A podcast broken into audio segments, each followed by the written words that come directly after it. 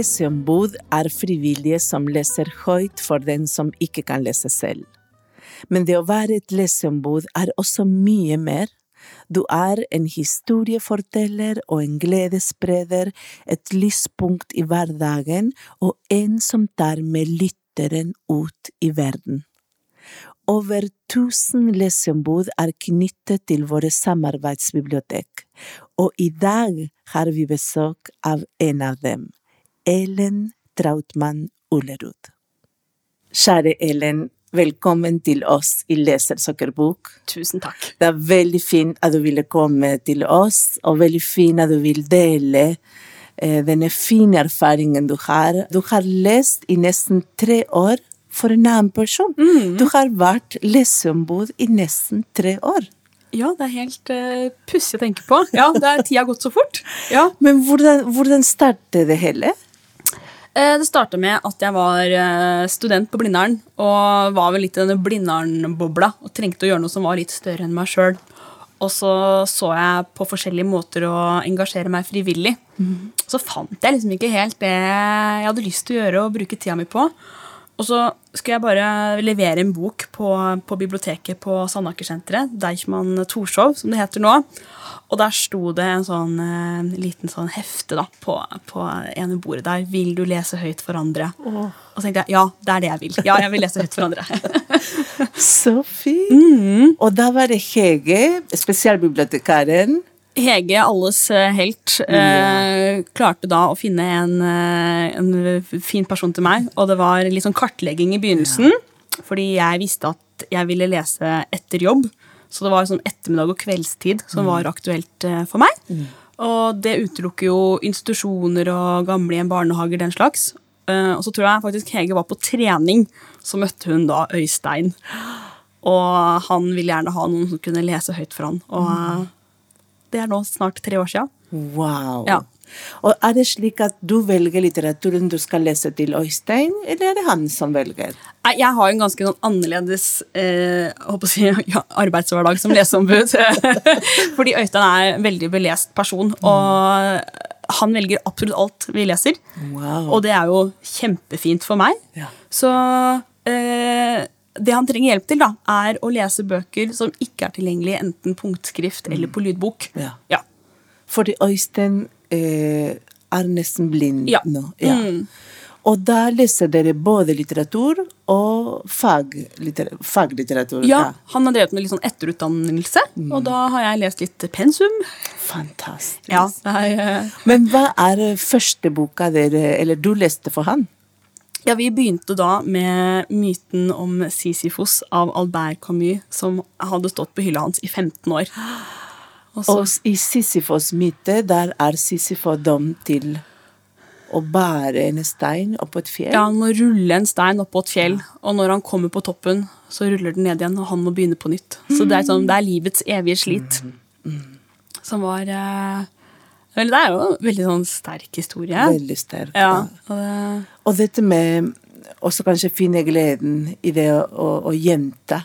Ja. Og gjenta en handling om og om igjen. Ja. For det er vel det som egentlig er konklusjonen da, i, eh, i Camus' verk, er at uh, Sisyfos han har en glede, han, Ja. med å skyve den steinen opp.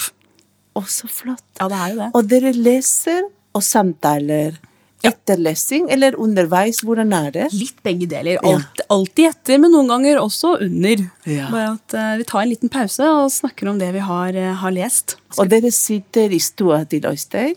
Vi sitter i stua til Øystein, eh, og der leser vi også. Og det, vi begynner alltid med litt kos. Han har alltid ordna kaffe, og gjerne noe til kaffen. Kokosboll eller noe brownies. Oh, eller noe. Ja, det er veldig, veldig hyggelig. Så snakker vi alltid litt først, da. Før vi begynner å lese, og så tar vi gjerne også før vi begynner, så tar vi en liten repetisjon på hva vi leste sist. Fantastisk. Sånn at vi bare begge husker hvor vi var. Ja. Og så sier vi alltid at vi bare skal lese en time, men det blir alltid lengre. Jeg, jeg vil jo også lese ut kapitlet.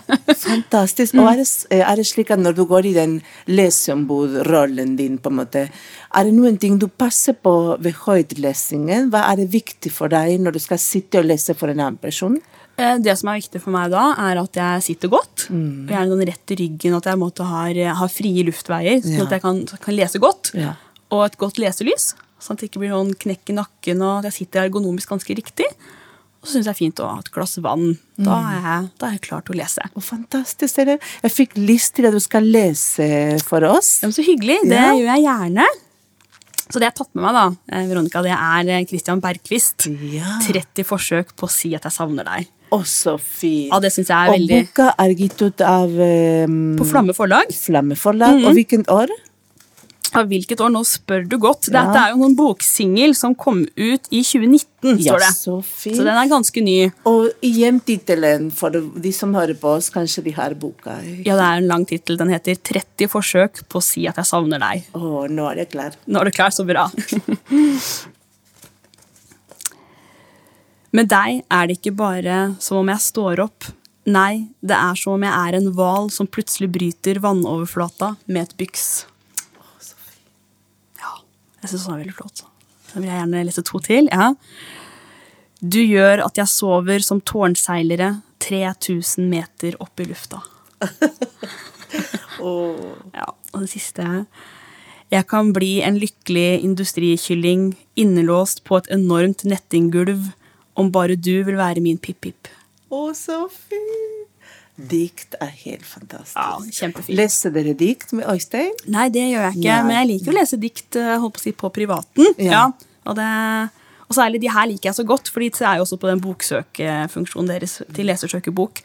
Og jeg synes det er et sånn strålende eksempel på at, at eh, god litteratur kan være tilgjengelig for alle. Ja. Og er tilgjengelig for alle. Mm. Språket må ikke være vanskelig. Nei, ikke sant? Og liksom enkelt språk kan også gå i som være dyp, dyp. Veldig. Ja. Mm.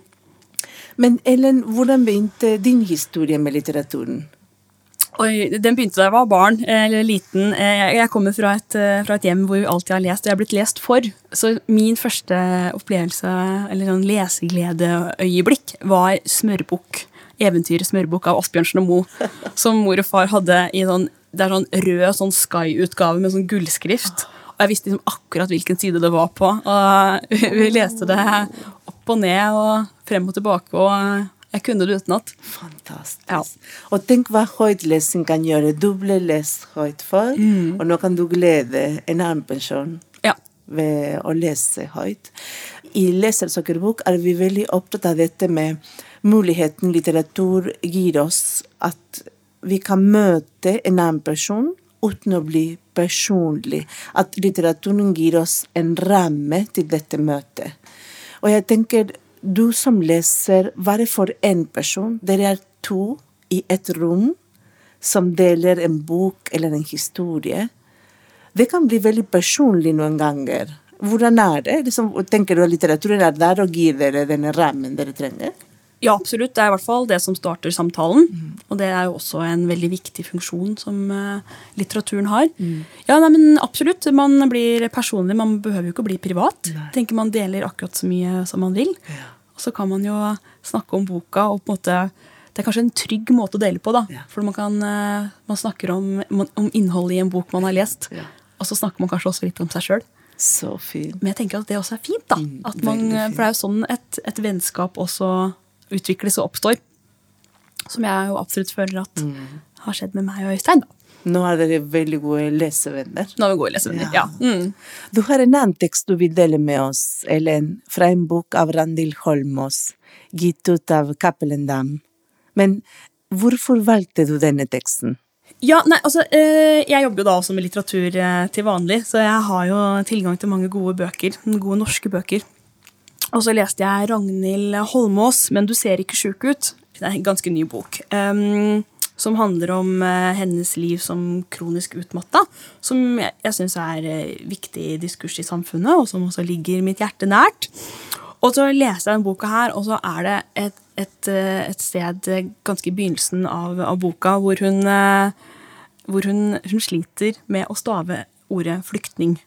Og da begynte jeg å tenke på hm, det er mange grupper som kan ha glede av et leseombud. Ikke bare at du er eh, gammel eller dement eller er barn som ikke har lært å lese eller du er blind. Det, ja, det er mange. Så fint. Har Ja. du lyst til å lese, lese Ja, den delen? veldig gjerne. Hvor hun sliter med å, å å lese. ja, eller å si nettopp. ordet flyktninger. Er det å si, si eller lese? Ja, hun, har blitt, eh, hun er nyutdanna og har blitt redaksjonsassistent i Flyktninghjelpen. Ja. Og hun har, eh, hun har byksa opp en trapp som eh, For oss som kjenner folk da, som har kronisk utmattelse, så, så vet vi at de, sånne småting det, det tar helt knekken på dem også. Så hun, er, eh, hun vil være flink og kommer for seint til et møte. Eh, men jeg tenker jeg bare begynner hvor hun, eh, hun sitter i trappa. Ja. Eh, Det er fra kapitlet 'Hjemmekontor' et par dager.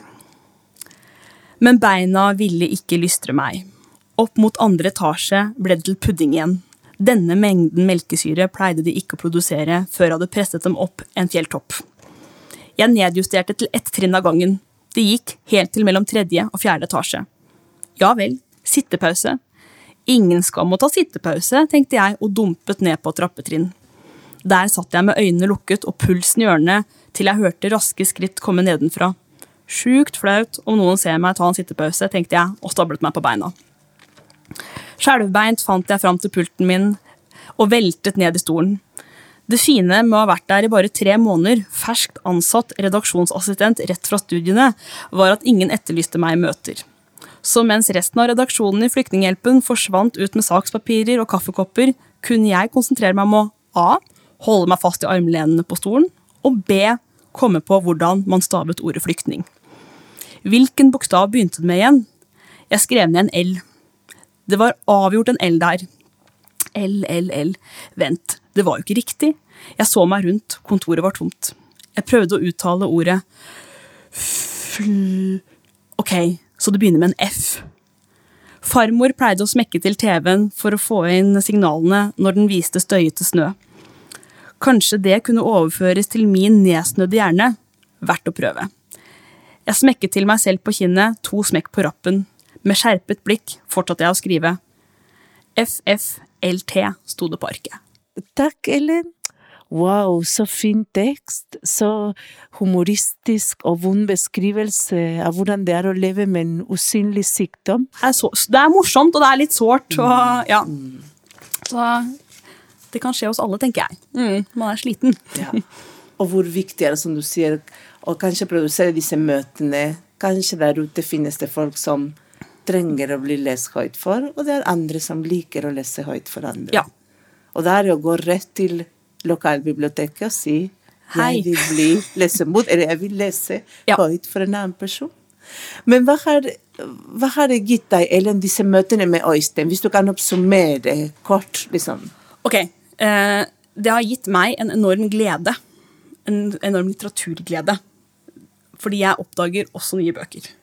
Det tenker jeg det må man si. At ja, man åpner eh, litterære dører for andre, men litterære dører ble også åpna for meg, da.